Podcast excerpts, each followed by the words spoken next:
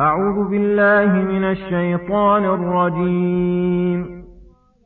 إنما التوبة على الله للذين يعملون السوء بجهالة ثم يتوبون من قريب.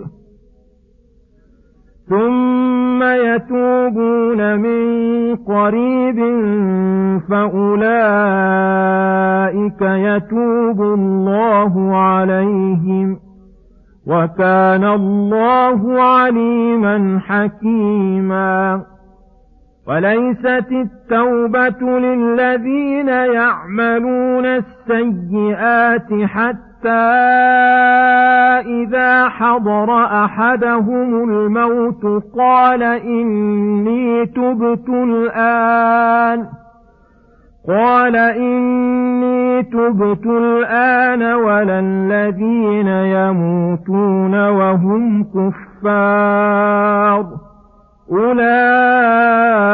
أولئك أعتدنا لهم عذابا أليما. بسم الله الرحمن الرحيم. السلام عليكم ورحمة الله وبركاته.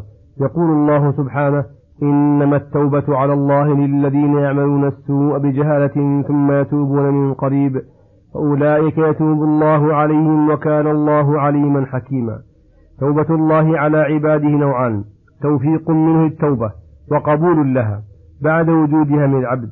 فأخبر هنا أن التوبة المستحقة على الله, مستحقة على الله حق أحقه على نفسه كرما منه وجودا لمن عمل السوء أي المعاصي بجهالة أي جهالة منه لعاقبتها وإيجابها لسخط الله وعقابه وجهل منه لنظر الله ومراقبته له وجهل منه بما تؤول إليه من نقص الإيمان أو إعدامه.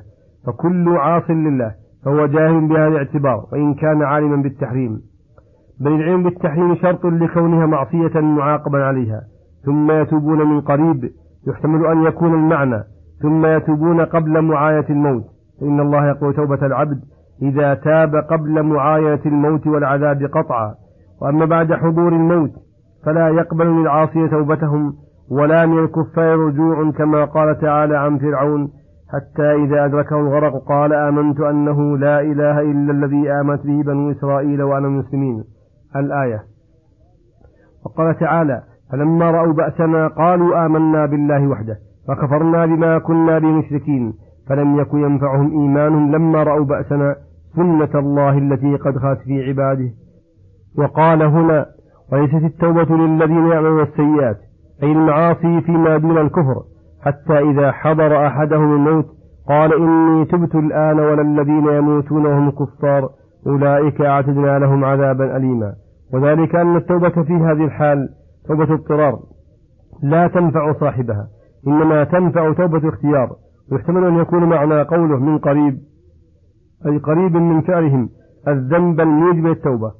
فيكون المعنى من بادر إلى الإقلاع من حين صدور الذنب وأناب إلى الله وندم عليه فإن الله يتوب عليه بخلاف من استمر على ذنبه وأصر على عيوبه حتى صارت فيه صفات راسخة فإنه يعثر عليه إيجاد التوبة التامة. والغالب أنه لا يوفق للتوبة ولا ييسر لأسبابها كالذي يعمل السوء على علم قائم ويقين متهاون بنظر الله إليه فإنه يسد على نفسه باب الرحمة. نعم قد يوفق الله عبده المصر على الذنوب على عمد ويقين للتوبة. النافعة. التي يمحو بها ما سلف من سيئاته وما تقدم من جناياته ولكن الرحمة والتوفيق للأول أقرب. ولهذا ختم الآية الأولى بقوله وكان الله عليما حكيما فمن علمه أنه يعلم صادق التوبة وكاذبها فيجازي كل منهما بحسب ما استحق بحكمته ومن حكمته أنه يوفق من اقتضت حكمته ورحمته توفيقه للتوبة ويخذل من اقتضت حكمته وعدله عدم توفيقه والله أعلم وصلى الله وسلم على نبينا محمد وعلى آله وصحبه أجمعين. إلى الحلقة القادمة غدا إن شاء الله. والسلام عليكم ورحمة الله وبركاته.